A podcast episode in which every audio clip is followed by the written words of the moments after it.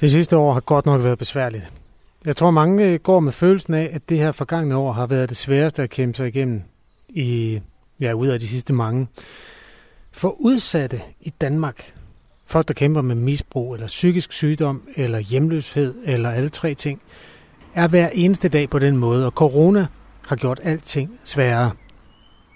Den følelse af bøvl og afsavn binder os på en eller anden måde sammen på tværs af de skæld, der normalt står mellem os i Danmark. Altså mellem de velbjergede og velstående og de fattige og udsatte. I det her program vil jeg vise coronaens aftegning i nogle af de mere usædvanlige menneskeliv. Nogle liv, der i forvejen er farvet af ensomhed og stofmisbrug eller angst. Heldigvis har coronaen også efterladt nogle gaver til de her mennesker, da den kom forbi og stjal et år eller mere. Du kan møde Ole, der sælger hus forbi, eller som ønsker at sælge hus forbi, og som ikke rigtig sælger nogen. Folk har ændret sig. De har ændret attitude og holdning til hinanden. Du kan også møde øh, tre kvinder, der egentlig har livet foran sig, men hvor hver eneste skridt er en kamp, fordi de lider af angst. Det er Sanna. Jeg blev, var mest bange for, at jeg gjorde andre folk syge. Fordi at hele den ting med, at man kan være syg uden at have symptomer, gjorde, at jeg var over, lidt overbevist om, at jeg var syg hele tiden. Og så er det Julie. Og bare det at have maske på, det er jo en enorm er forfærdeligt for mig. Altså, jeg, sy- jeg synes, det er så klaustrofobiske. Og det er Alex. Jeg føler, det er så rart, at hele Danmark bare har hamstret mega meget håndsprit, fordi nu føler jeg mig ikke som den weirdo, der gør det. Jeg hamstrede nok to af gangen, hvor jeg har hørt, at nogle folk hamstrer sådan fem flasker af gangen, og det er måske lige voldsomt nok. I den mere modne ende af skalaen kan du møde Tage, som øh, var stofmisbruger for længe siden, i starten af 70'erne. Han får stadig metadon og har sit sociale netværk blandt misbrugerne, der holder til på Aarhus Havn. Tage forklarer, hvorfor restriktioner og afstandskrav har enormt svært ved at slå igennem i den der verden, hvor man deler piber og sprøjter og alt andet. De er skide ligeglade med det. De har ingen, herinde er der slet ingen, der tænker på corona. Det er ikke noget problem. De deler også nåle, og de ryger den samme joint, og de er skide ligeglade. Fuldstændig. Jeg tror slet ikke, de ved, at corona. Du kan også høre en anderledes coronaberetning fra Ali, som for fem år siden kom gående af motorvejene ind i Danmark, flygtede direkte fra den blodige borgerkrig i Syrien. Nogle gange, når man er, man er, man er misbrug, ikke? og man mangler stoffer, man bruger for det. Man laver alt for, at du skal have den. Man laver alt, lige meget hvad det er. Ikke når du går mennesker ondt, men når du kan, du kan blive rask igen. Kun du, du kan blive okay. Det her er en række historier om anderledes menneskeliv og coronaens aftegning i dem. Der er alle afsavnene, og så er der alle gaverne, som vi heldigvis også har fået. Jeg hedder Kasper Harbo, og det her er Radio 4-reportagen Samtaler på kanten. Programmet er lavet i samarbejde med Aarhus Bibliotekerne. Folk er blevet, jeg vil ikke sige underlige, men de er i hvert fald blevet bange. Altså det er jo selv sådan noget som at møde folk på gaden. Der er jo ikke nogen, der ser hinanden i øjnene mere. Det gør man ikke. Det første sted, der blev lukket ned under coronaen, det var det rum mellem to mennesker, der kigger på hinanden på gaden. Efterhånden som vi begyndte at blive bange for hinanden, blev vi også bange for at kigge hinanden i øjnene. Det mener i hvert fald Ole. Han sælger hus forbi. Øh, før coronaen solgte han mange, nu sælger han ingen. Han har nærmest opgivet.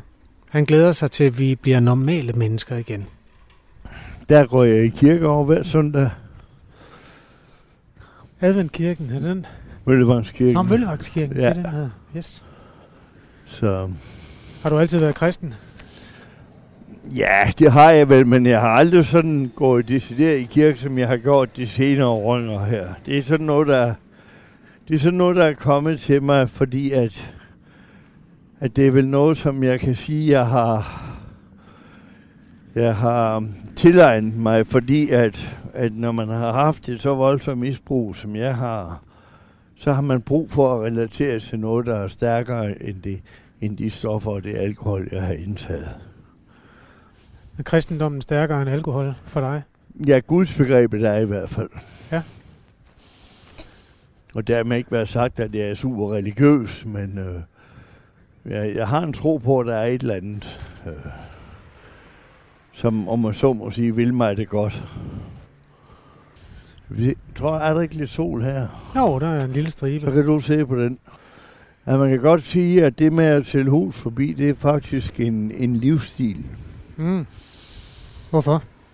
Jamen det er det, fordi at den måde, jeg får kontakt med andre mennesker på, du tænker på, den, der en stor del af mit liv har jeg jo levet i ensomhed, fordi øh, det eneste, jeg egentlig havde at forholde mig til, det var enten stoffer eller alkohol. Jeg havde jo ikke nogen familie i mange år. Så, så det var noget med, at, øh, at det, har været et, det har været et forholdsvis ensomt liv. Fordi at, øh, at når jeg mødtes med nogen, så var det for, enten folk, der handlede stoffer eller drak alkohol, og det, det er der ikke noget øh, særligt, hvad skal man sige, positivt fællesskab i. Um, uden dermed at være sagt, at jeg på nogen som helst måde overhovedet øh, ser ned på de mennesker, for det gør jeg ikke, for jeg har selv været en af dem. Øh. Men, men det er rart at, øh, at, at have det her fællesskab med dem, der så selv er hul forbi. Hvilken omkostning havde det så, da coronaen kom, og vi fik at vide, at vi nærmest ikke måtte snakke med andre mennesker? Altså i forhold til det der fællesskab, du beskriver, og den gode energi, du har hentet ved at sælge hus forbi. Jamen, den forsvandt jo stort set, fordi at for det, øh, jeg, jeg solgte selvfølgelig en del aviser stadigvæk. Mm, selvfølgelig med enten visir eller ansigtsmaske på, og jeg brugte handsker, når jeg skulle aflevere aviserne for at, at være sikker på, at jeg ikke bragte nogen som helst form for smitte videre. Og så folk kunne føle sig trygge.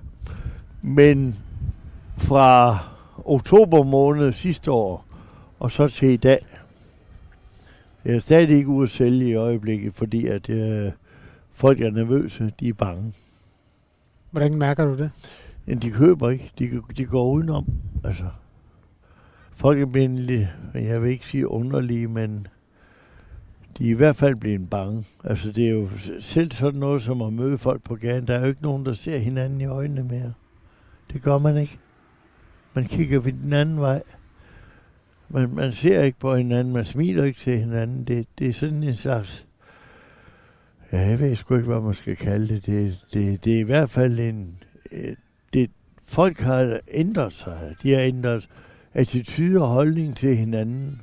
Hvad har det betydet for dig? Altså, sådan, jeg kan jo mærke, at du er et følsomt menneske. Jamen, det er jeg. Og det kommer så også at jeg har... Øh, øh, at jeg har alkoholisme og, og, og, og, og narkomani som, som primær lidelse. Selvom jeg ikke bruger det mere, så er jeg rent følelsesmæssigt sådan meget sårbar, og jeg er meget... Øh, øh, jeg kommer tit ud i hjørnerne af mine følelser, både af de gode og de dårlige. Hvad har det så betydet for dig at gå rundt i det her underlige univers, hvor folk ikke kigger på hinanden? Jamen, jeg synes, det er meget kildt. Jeg synes, det er skræmmende, at, at på grund af sådan noget sygdom, at folk så faktisk tager afstand til, ikke engang kan hilse på hinanden med øjnene, eller med et nik, eller noget som helst. Jeg havde jo egentlig en forestilling om, når vi skulle tale om, hvad er jo konsekvensen af, at der har været det her underlige øh, coronasamfund. Konsekvensen for en hus forbi sælger, så tænker jeg, at problemet ville være noget med, at du ikke havde de penge, som du skulle bruge. Det er også rigtigt. Det har jeg heller ikke. Men øh, det har jeg været nødt til at acceptere. Hvad har du så skruet ned for?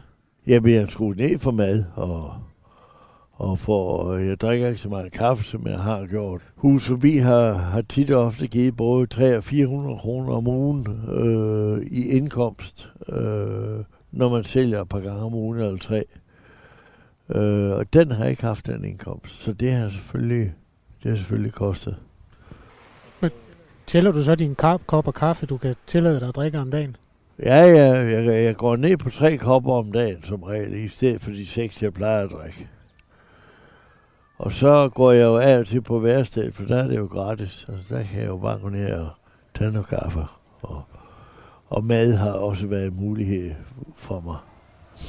Der er måske nogen, der undrer sig over, øh, at du sætter hus forbi, altså har et sted at bo. Hvordan er det, forbindelsen er med det? Jamen, forbindelsen er det, at jeg jo har været hjemløs, ikke kun her for et år tid siden, øh, men også har været det før i tiden, øh, før jeg blev øh, kom ind i en helbredelsesproces for, for mit misbrug. Der har jeg været hjemløs i en lang årrække, og samtidig med, at jeg er jeg er en skæv eksistens, som man plejer at sige, inden for, for den terminologi der omkring hus forbi, at hvis man har været eller er hjemløs, eller, eller er en skæv eksistens, så er man velkommen til at sælge den avis.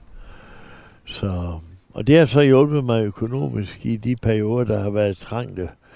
Men det har bare ikke været muligt at sælge nogen de sidste halve år for mig. Du sidder sammen med dig uden for en ældrebolig, som du har fået for et halvt års tid siden. Nej, tre kvart år siden, ja. Undskyld, ja. Og inden da var du jo hjemløs i en periode. Ja, det var jeg. Også under coronaen. Ja.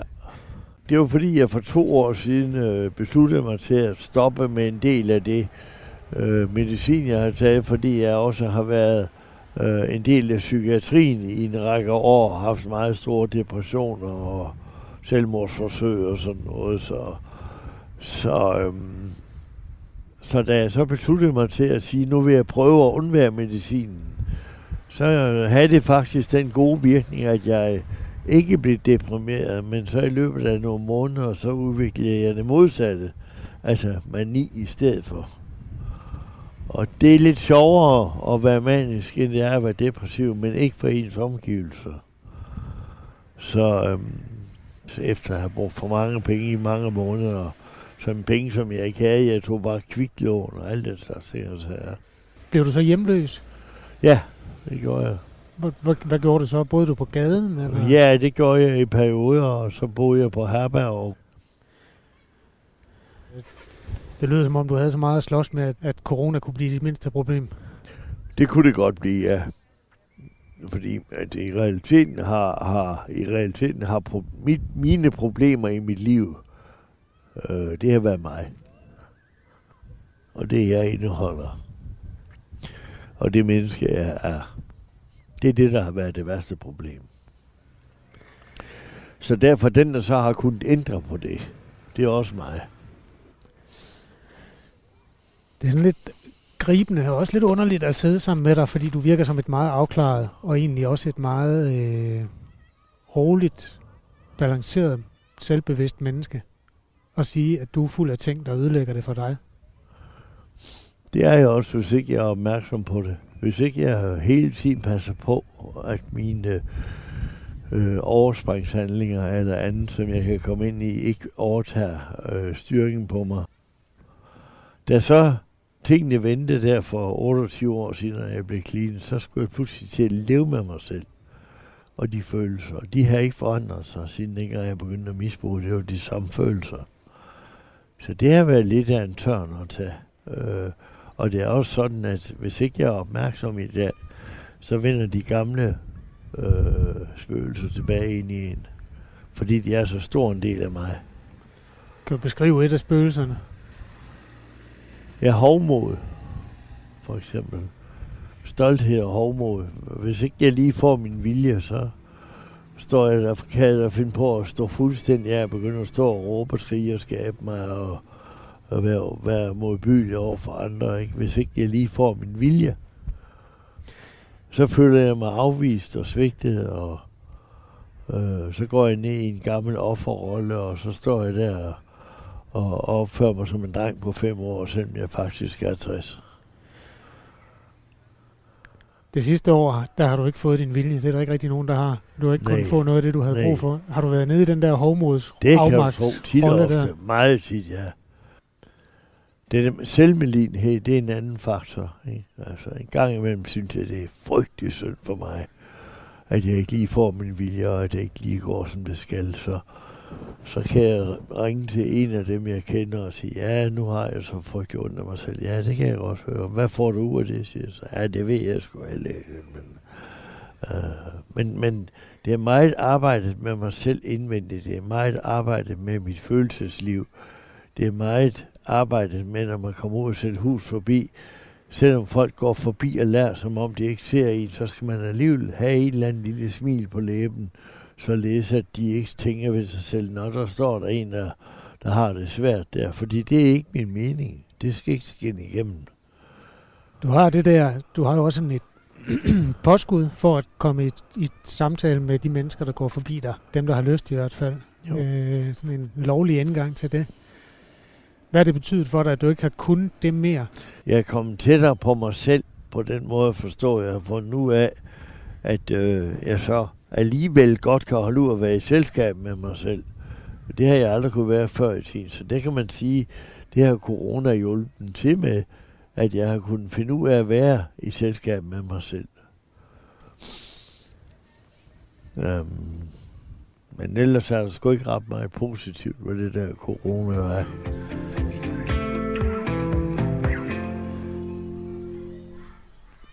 Coronaens mest tydelige aftryk på Danmark fandt sted 11. marts 2020 og løb vel 13-14 måneder frem derfra.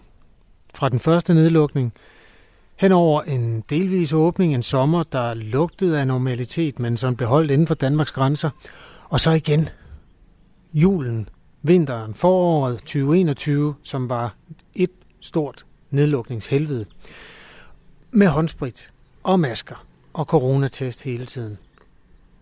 Når man har angst, og især hvis man har angst for sygdommen, så er en pandemi og en ny mystisk sygdom cirka det sidste, man har brug for.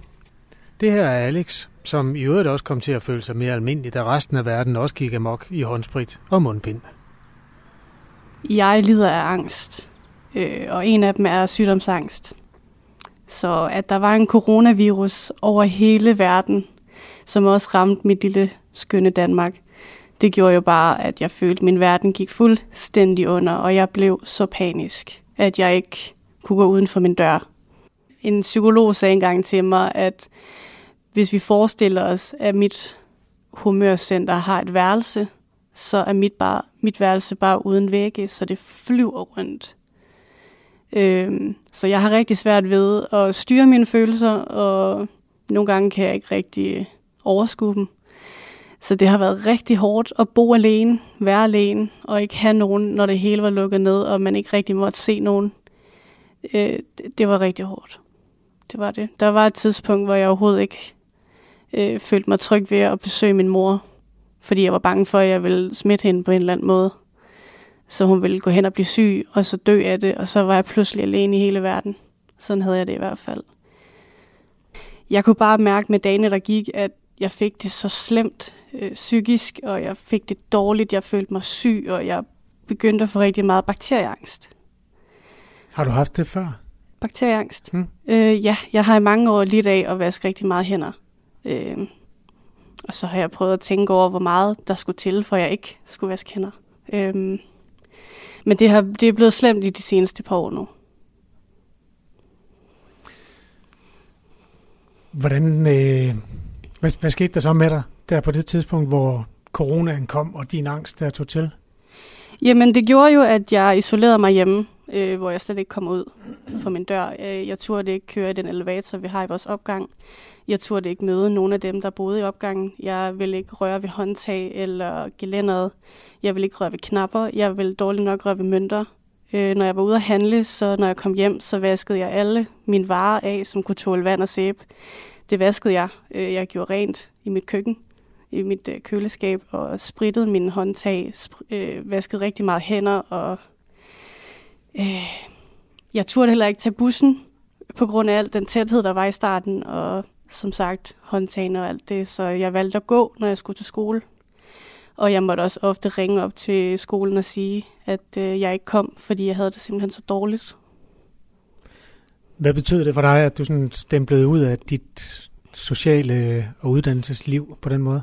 Jamen, det var selvfølgelig rigtig træls. Øh, og jeg følte et nederlag, fordi jeg følte, jeg havde et så godt netværk, og min hverdagsrutine, den kørte. Øh, jeg træner rigtig meget i fitness, og jeg var overvægtig på det tidspunkt, så jeg ville rigtig gerne gå i gang. Øh, jeg skulle have været i praktik, og Jeg havde gode venner, jeg sås med. Og lige pludselig så rulleskede det hele sammen øh, til et sort lærred, hvor jeg ikke kunne leve mit liv. øh, jeg, jeg kunne ikke handle selv. Øh, jeg havde det rigtig, rigtig dårligt, og jeg fik panikanfald, og jeg kunne ikke trække vejret, og jeg begyndte at svede rigtig meget. Og... Så jeg gjorde det, at jeg besøgte rigtig ofte min veninde, der bor 20 minutter fra mig. Øhm, så hun hjælper med at handle, og prøvede at berolige mig, og det gør hun stadig. Prøv at fortælle, hvordan der er inde i dit hoved, sådan når du bliver bange på den måde. Fordi altså, når jeg kigger på dig, du er 28 år. Du er ikke et af dem, der, de mennesker, der kommer til at dø af corona. Det, det vil jeg da næsten love dig med 100% sikkerhed. Men er er det det, du er bange for, eller hvad er det, du er bange for ved sygdommen? Kan du fortælle det? Øhm, ja, jeg kan prøve. altså, jeg er jo en af de mennesker, der også er bange for, for influenza. Jeg er bange for at kaste op. Øh, jeg føler, at jeg bliver kvalt bare at kaste op. Øhm, men sådan som jeg har det med corona, er, at jeg føler lidt, at jeg kan trække vejret øh, ja, i bussen, ved siden af folk, i elevatoren. Og så føler jeg, at jeg kan mærke, at jeg får bakterierne ind i min krop, som sætter sig i lungerne. Øh, eller at hvis jeg rører ved noget, så sætter det sig på mine hænder eller på mit tøj, og så kan jeg ikke få det af, før jeg har vasket det ordentligt. Øh, og jeg ved jo godt, at, det, øh, at corona er noget, der falder til jorden med det samme. Men alligevel, så sidder det i mit hoved. Øh, så det, jeg har gjort, det er, at jeg følger selvfølgelig alle reglerne med at vaske hænder og bruge håndsprit og bruge maske. Og hvis jeg ikke kan magte det den dag, hvor jeg skal noget, så må jeg aflyse det. Øhm, fordi jeg skal også have det godt imens. Ved du godt, at det er tvangstanker, de der ting? Ja, det er jeg ligesom begyndt at regne lidt ud, fordi jeg kan godt mærke, at det er blevet lidt slemt efter corona. Øh, jeg har lidt overvejet, om det var OCD eller hvad det var. Er det noget, der er sådan, altså, taget til under coronaen, det der? Det er blevet meget værd. Okay. I hvert fald med tankerne. Hvad har været det, du har holdt fast i, som har gjort, at du ikke har mistet forstanden? Jamen altså, øhm, det skete først her i 2020 faktisk, at jeg tænkte, at nu tager vi over to med det her. Følte jeg, det var. Mm. Så jeg tænkte, at øh, nu måtte jeg prøve at skabe en øh, hverdag for mig, som jeg kunne leve i, så jeg ikke bare hang fast i de dårlige energier og bekymringer, fordi det hjalp ikke nogen. Og i særdeleshed ikke mit eget hoved. Øh, så jeg har gjort det, at øh, jeg har lavet en rutine, hvor jeg står op hver dag, øh, mest klokken 6 om morgenen faktisk, og går en lang tur på en eller to timer hver dag, hvis jeg kan gør rent i min lejlighed. Øh, jeg læser bøger, hører podcast, hører musik, hænger ud med mine venner, dem jeg selvfølgelig ser tættest. Øh, ellers så snakker jeg med, en, med min diætist, øh, en social læge, jeg taler med med samtaler. Øh, øh, Mette Sand her fra Kofod Skole, som er min, øh, min lærer. Øh, og så snakker vi ligesom om de problemer og tanker, jeg har. Øh, Udover det snakker jeg også med min læge, som er rigtig sød til at hjælpe mig med min angst. Øhm, og så bruger jeg selvfølgelig mine venner, og jeg besøger min mor, skriver med mine familiemedlemmer, og ja, prøver at lave noget, jeg ved er rigtig godt for mig selv. Øh, og hvis jeg ikke har det godt, så er det okay.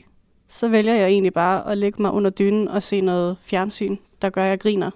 Øh, det er meget sjældent faktisk i år, i 2021, at jeg har haft en dårlig dag. Øh, jeg havde jo en tendens med at overspise, og jeg har ikke overspist i to måneder.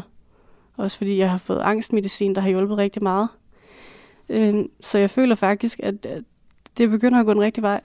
Øh, jeg har set mere indad med mig selv, øh, accepteret ting. Øh, og efter jeg fik at vide, at jeg havde noget ADHD, så har det jo helt jo givet mening. Så jeg har også været bedre til at acceptere mig selv og mine problemer. Og, øh, og så har jeg prøvet at læse om ADHD, og finde ud af, hvad jeg kunne gøre. Det virker som om, at du altid har været sådan lidt på kanten af fællesskabet. Ja. Har det været værre det sidste år, end, end det plejer? Nej, altså jeg har hele min barndom egentlig været ret ensom. Øhm, så jeg synes faktisk lidt, det er det samme. Øhm, jeg er selvfølgelig blevet lidt mere ensom efter det her corona kom, men øh, nu har jeg bare valgt at se noget positivt ved det.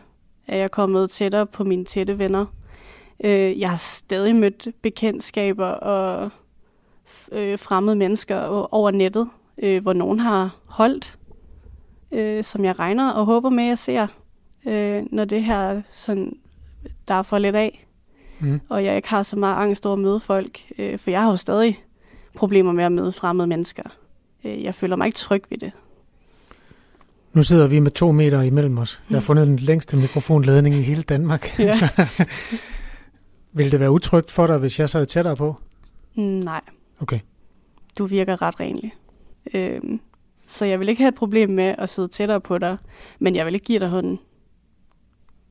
Hverken nu eller før? Hverken nu eller før. Er det sådan en lille gave til dig i virkeligheden, at coronaen har afskaffet alle de der krammer og alle de håndtryk, som du ikke var tryg ved? Ja, det er rigtig dejligt.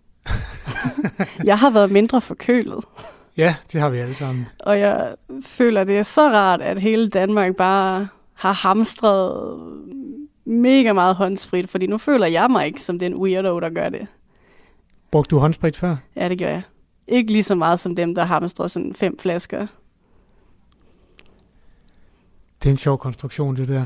At det er også andre, der er blevet lige så utrygge som dig. Jamen, det er jo næsten lige før, at der er flere folk, der er mere utrygge, end jeg er med håndsprit. Altså, jeg brugte da måske...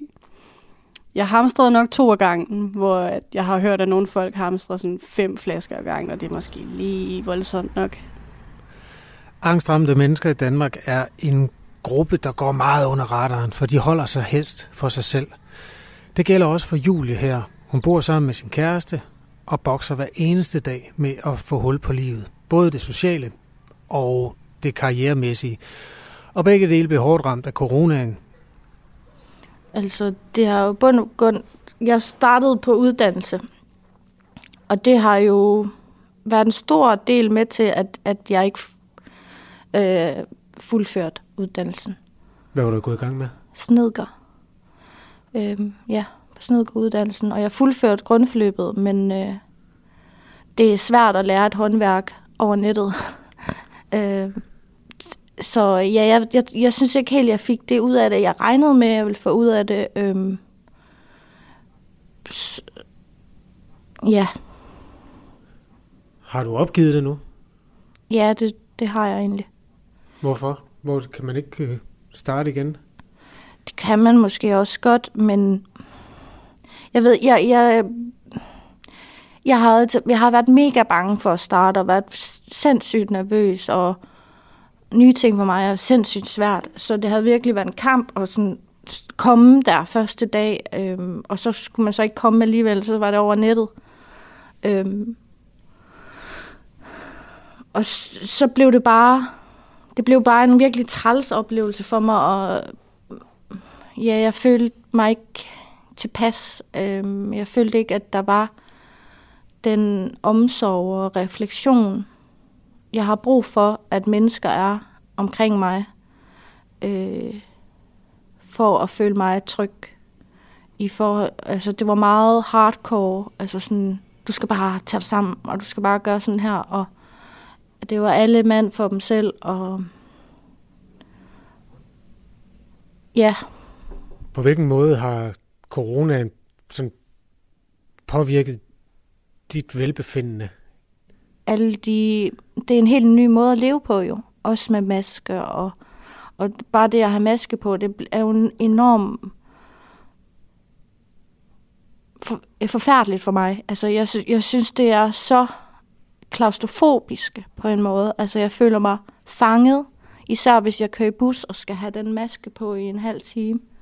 Så føler jeg mig mega fanget. Og men der er jo nogle mennesker, der har dispensation, som, ja. som ikke behøver at gå med det. Er det fordi, du heller ikke har lyst til at være i bussen uden mundbind? Mm, ja, altså jeg, har, jeg vil jo også gerne være en god borger og følge retningslinjerne og gøre det, der er bedst for os alle sammen. Er det så egentlig en svær tid at leve i, når man sådan hele tiden får at vide, du skal gøre sådan og sådan, og du må kun være fem mennesker samlet, og du skal huske at sprede af hele tiden. Altså, er det, er det en, en hjælp til at leve en hverdag, eller gør det hverdagen enormt besværlig for dig? Både og. Altså, der er jo nogle ting ved det, hvor, hvor jeg synes, det er egentlig, altså sådan, hvor coronaen bliver lidt en undskyldning, eller sådan, hvor man har en god undskyldning for ikke at se, ses med nogen, fordi at i virkeligheden så magter man det måske ikke, eller sådan, så siger man, om det er også corona, vi må jo ikke ses, og sådan. Så, så det har gjort det nemmere på den måde, ikke? Men, men og på andre måder, så har det også været enormt frustrerende. Angst sætter aftryk i et menneskes liv hver eneste dag. Den smule normalitet, der var tilbage, blev i hvert fald fjernet. Det gælder også øh, Sanna, da hun stod over for coronaen for første gang. Til at starte med, gjorde det specifikt min social angst meget værre. Øh, og jeg turde ikke købe ind, og jeg turde ikke gå ud af min lejlighed. øhm, jeg var helt overbevist om, hver gang jeg købte ind, at alle dem, der var i supermarkedet sammen med mig, havde mig, og var meget specifikt sur over, at jeg var ude og købe ind. Hvilket jeg godt ved teknisk set ikke gav nogen mening. Men angst er ikke så forfærdeligt rationelt. Var det fordi, vi havde fået at vide, at vi skulle ikke gå i supermarkedet? Ja, fordi at øh, man skulle kun gå ud og købe ind, øh, hvis man havde brug for ting, og man måtte kun gå ud og købe ind en person ad gangen. Men når jeg er alene, så er min angst meget værre, end hvis jeg går ud sammen med for eksempel min kæreste. Vi har jo alle sammen været mere eller mindre bange det sidste år. Der har været meget angst i vores samfund. Altså, kan du fortælle andre steder, hvor du har mærket, at det der corona, det har gjort noget ved, ved din angst? Det ved jeg ikke. Har du været bange for at blive syg, for eksempel? Ja. Jeg har været meget bange for at se bare min familie og venner og sådan noget. Øhm, selvom de ikke... De, de har gjort, ligesom alle andre, så har de gjort så meget, som de kunne for at være hjemme og ikke gøre ting, der kom dem i større risiko for at blive syg, og blev testet, før jeg har set folk og sådan noget. Især i starten blev jeg testet rimelig meget, fordi at jeg blev ved med. Jeg blev, var mest bange for, at jeg gjorde andre folk syge, fordi at hele den ting med, at man kan være syg uden at have symptomer, gjorde, at jeg var over, lidt overbevist om, at jeg var syg hele tiden. Det er jeg også stadig lidt nu. Hvad nu, hvis jeg er syg, men ikke ved det? Og smitter nogen andre. Jeg kender godt følelsen af, at man læser eller hører om en sygdom, og når man får symptomerne listet op, så kan man få den tanke, at ah, det har egentlig også måske været noget, jeg selv har, har gået med. Og så er der noget skørt i, at symptomet er, at du ikke har symptomer. Mm-hmm. Og så føler du, at du må have corona. Det var da ja, forfærdeligt. Det... Har du det sådan i dag også? Ja. Jeg overvejede at ikke komme herned, fordi at jeg tænkte, men hvad nu hvis jeg har det? Selvom der er jo, vi har alle sammen masker på, og vi har, holder alle sammen afstand og sådan noget. Så der er ikke nogen grund til, når man ikke har nogen symptomer, ikke at gøre det. Men det er over en måned siden, jeg blev testet sidst. Så jeg er lidt bange for, at fordi at jeg ikke har en ting, der specifikt siger, at jeg ikke har corona, at så har jeg det. Har du haft det sådan lige siden sygdommen kom til Danmark? Den har været her i over et år nu. Ja. Har det været de samme tanker, der har som kørt rundt med dig? ja. Øhm, og selv når jeg har haft, når jeg har fået taget en test, og jeg har haft en ting, hvor der stod, nu er du ikke syg, så tog det jo 48 timer, før man fik den. Så jeg stolede ikke helt på det. Fordi hvad nu, hvis jeg havde fået det i de sidste 48 timer, siden jeg blev, fordi jeg blev nødt til at tage en bus derned og hjem. Så hvad nu, hvis jeg blev smittet på bussen, og så kan jeg ikke vide det, fordi at jeg kunne ikke blive testet igen. Eller det kunne jeg teknisk set godt, men der vil ikke gå de 48 timer igen, og så vil jeg have det samme problem.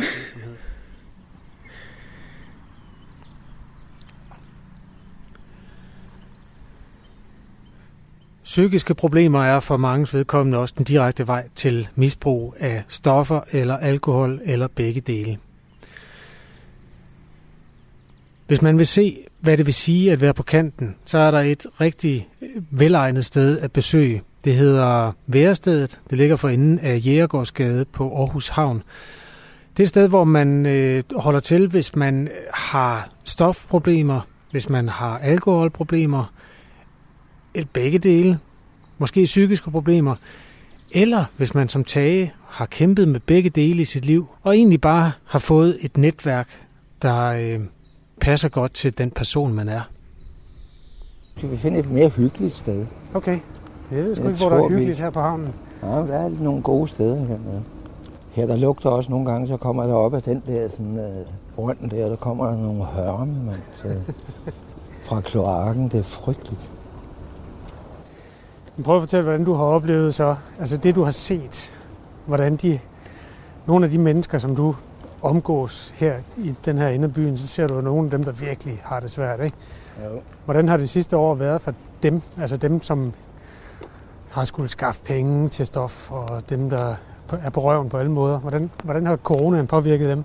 Jamen, jeg har, jeg har snakket med en del af dem, og fordi jeg har jo været lidt i tvivl. Jeg, jeg kommer ikke ned i Nåleparken, og, men jeg ved, at de har det jo svært, men det har de uanset om der er corona eller ej.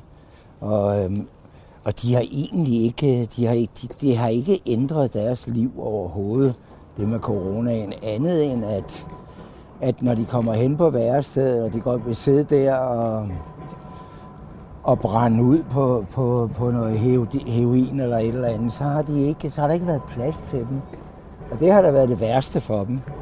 Vi kan sætte os hen på den bænk derinde, for eksempel. Ja, det er en god idé. Og nu begynder det der sådan uh, pilotering. Ej, hvor hyggeligt, var. Det er noget, de er ved at lave derovre. Det vil vi, uanset hvor vi sætter os, så vil vi kunne høre det. Sådan er det jo med en havn. Ja, jamen, det er træls.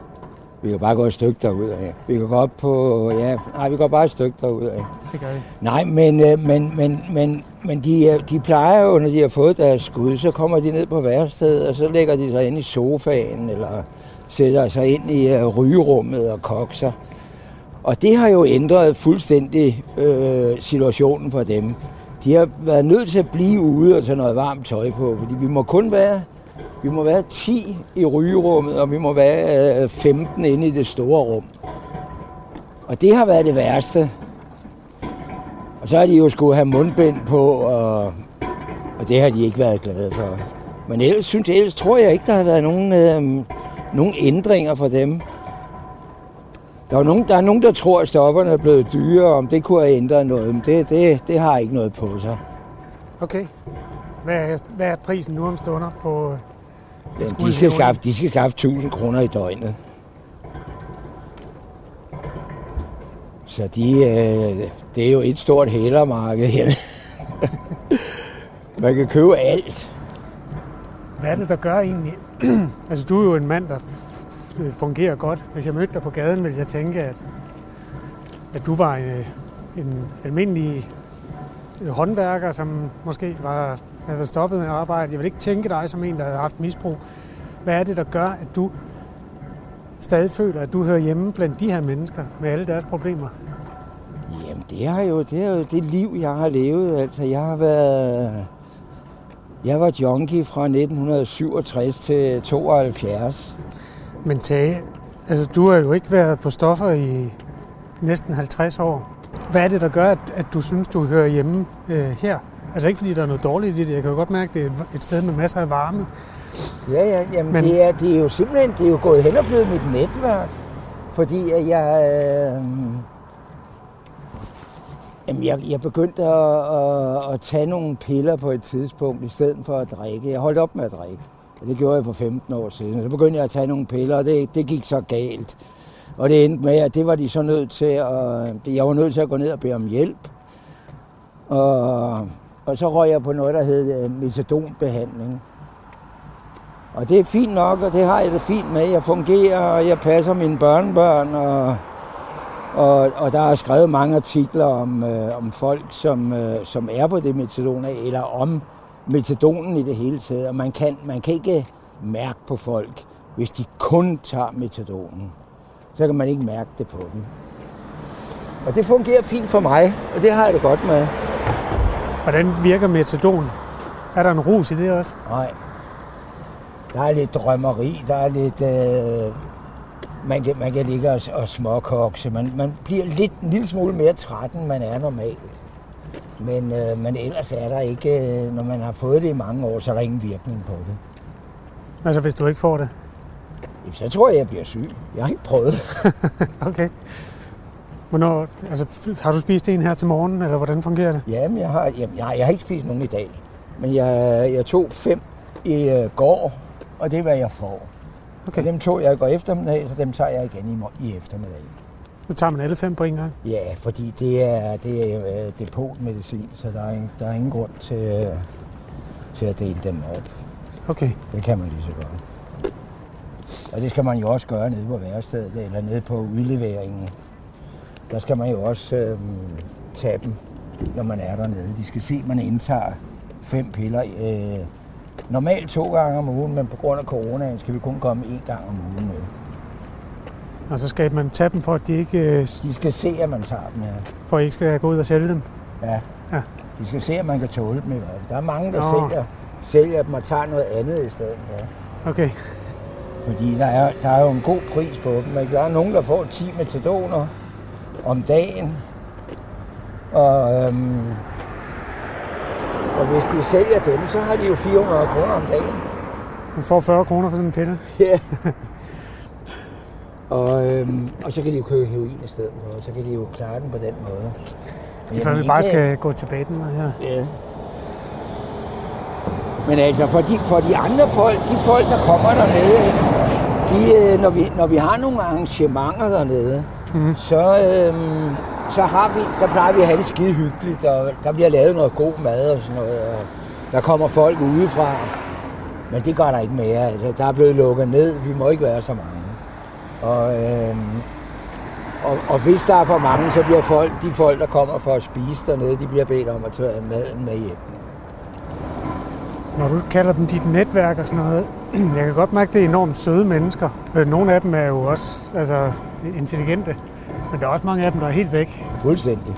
De fleste af dem er helt væk. Jeg snakker med en... Altså dem, jeg sidder... Jeg har ingen venner hernede. Der er aldrig nogen hernede fra, der kommer hjem til mig. Det kommer de aldrig. Øh, og sådan er der også flere andre, der har det. De vil ikke have nogen af dem, der er hernede, med hjem. Og så er der nogle enkelte, som kommer hos en anden, og det ender altid med, at så har de stjålet øh, et, eller- et eller andet fra hinanden, og så er de uvenner. Og, Altså det, jeg tænker, når du fortæller alt det her, det er jo også de mennesker, som har virkelig, virkelig store problemer. Altså deres mindste problem, det er, at de kan få corona. Sådan lyder det lidt. Jamen det er, de er skide ligeglade med det. De har ingen, herinde er der slet ingen, der tænker på corona. Det er ikke noget problem. De deler også nåle, og de ryger den samme joint, og de er skide ligeglade. Fuldstændig. Jeg tror slet ikke, de ved, at corona.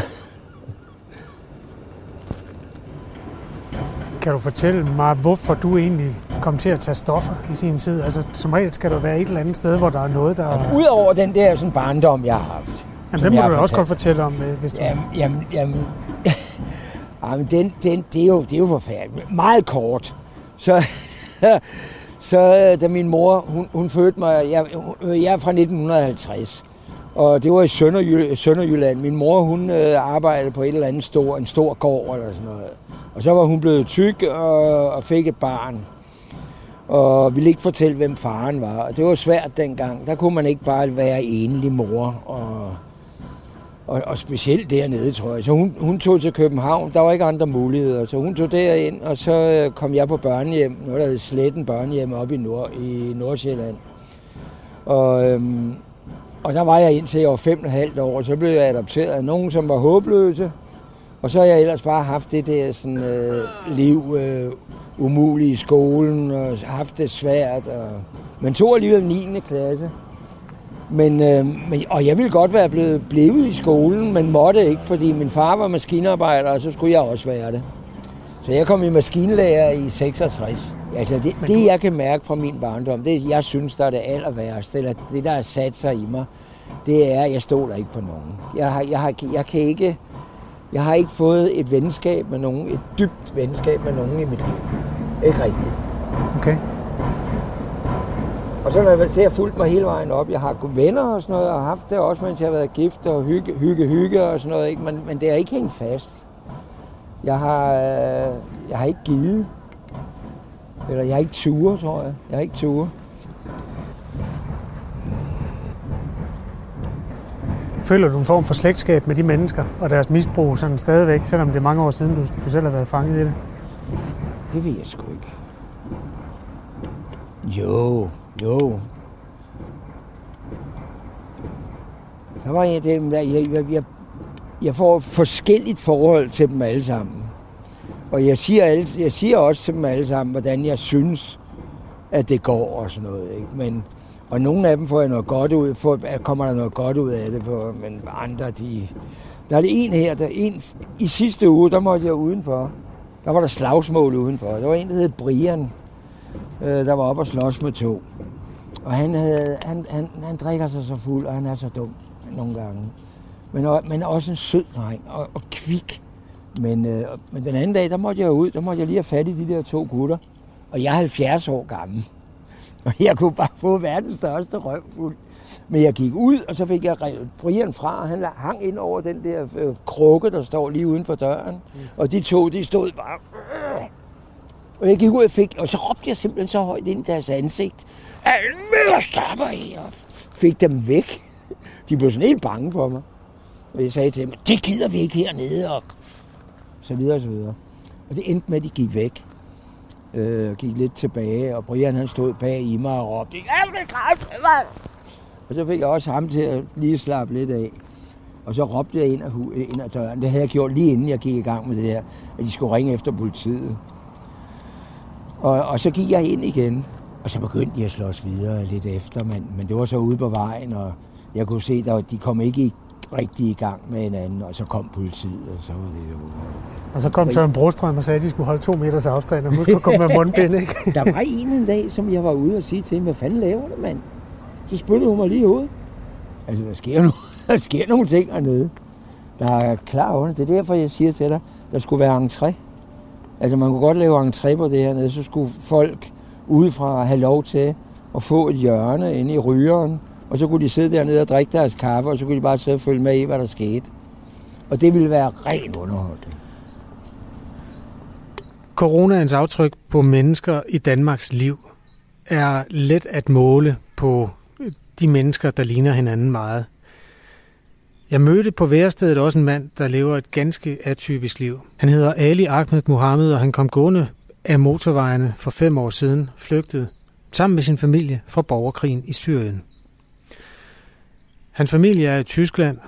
Selv landede han i Danmark og har jo fået et værelse, som han vågner i hver morgen i den midtjyske stationsby Ry.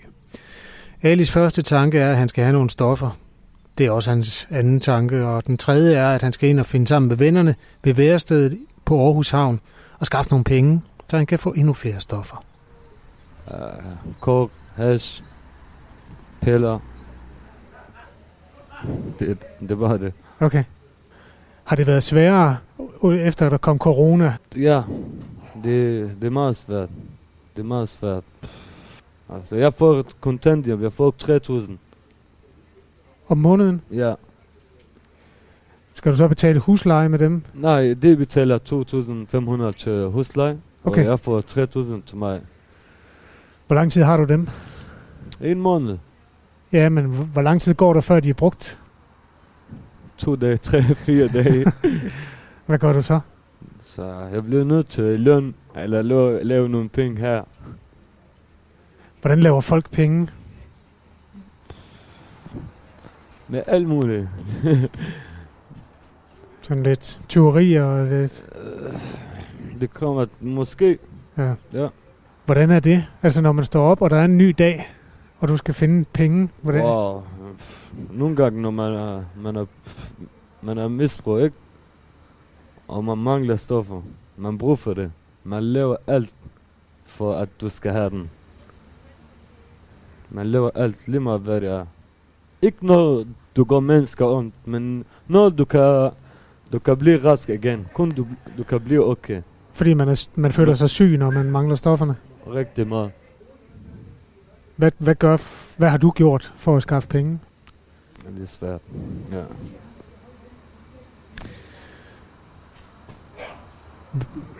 Hvad har du gjort for at prøve at holde op med stoffer? Og mange ting. jeg har prøvet så mange gange. Øh, jeg har prøvet mange gange, at jeg stopper. Men øh, mit liv, det var... Jeg, jeg har ikke god liv. Jeg har ikke uh, god liv, hvor jeg kan stoppe. Men her, jeg, dengang... Her, øh, to måneder siden, Mm. jeg fik min opholdstilladelse tilbage.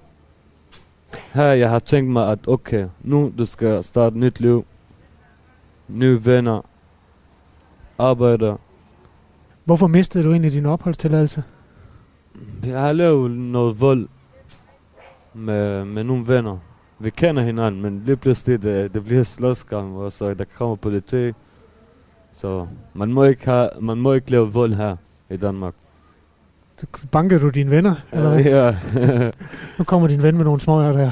Åh, oh, tak for det. Kom, du kan ryge med den der. Take this og smoke. Give me it today. Okay? Yeah, I want Hvad var det for en, du gav ham der? a pill. Et piv? ja, der... Når man ryger den, så der kommer noget i, ind i piv. Så han kan ren, uh, sådan Hvad er der i? kok. Han kan ryge den igen, man kan ryge den igen. Den der, det smager godt mere end en rigtig kok. Mm. Deles I om stofferne? Altid. Fordi når jeg ikke har, han har. Når han har, ikke jeg har. Ja. Sådan vi, vi deler med smøger, med alt. Okay. Vi, kan, vi har kun hinanden her. Ikke Ja. nogen, de tænker på os. Vi kan, kun her, vi kan forstå hinanden. Ikke nogen fra udenfor, når de, de sidder hjemme, og de har børn, de har penge, de har alt. De tænker ikke, Der har været corona, hvor alting blev lidt mærkeligt, og man måtte nærmest ikke røre ved hinanden, og man må ikke snakke sammen. Hvordan har de sidste par år været for dig? det var lidt svært, og for alle sammen, det var lidt svært. Ja. Og for os, det var meget svært for, for folk, der kigger. Det er bange for os hele tiden. Men ikke nogen her, der har fået noget corona. Altså blandt øh, brugerne her i værestedet, er der ikke nogen, der har corona? Ikke nogen. Okay. Men og vi laver test her hver, hver 14 dag. Og så man får sådan en gavekort, hvis man laver test her. Man får for 75 kroner, hvis man laver test. Hvad køber du så, når du har fået en test og fået et gavekort? Noget, noget mad, eller en boks smøger, eller bare noget. Du er egentlig et meget positivt menneske. Du virker til at, at have en masse god energi i dig også. Jeg prøver, jeg, jeg, jeg, jeg er i gang med at komme ud. Ja. Ja, jeg skal komme ud. Jeg vil gerne komme en vej. Jeg var ikke sådan. Jeg var ikke sådan en person, at komme og tage stoffer. Jeg er lige kommet til Danmark. Hvad, der er ikke noget for mig stoffer. Jeg kommer, jeg kommer fra krig. Jeg vil gerne bare god liv. Ikke komme og tage stoffer og, og øh, lave alt muligt shit. I løbet af de sidste 55 minutter har du mødt Ole, Alex, Sanna, Julie, Tage og Ali i en række samtaler på kanten om de sidste 13-14 måneder, hvor coronaen stjal en masse ting fra os alle sammen. Ikke mindst fra mennesker, der lever et udsat liv. Heldigvis, som det fremgår, har coronaen også efterladt nogle gaver, da den kom forbi. Tak fordi du har lyttet med i den her reportage. Du kan finde flere reportager på radio4.dk eller i vores app. Programmet her det er produceret i samarbejde med Aarhus Bibliotekerne. Mit navn er Kasper Harbo. Hvis du har input til mig eller til Radio 4, så skriv på kha radio4.dk.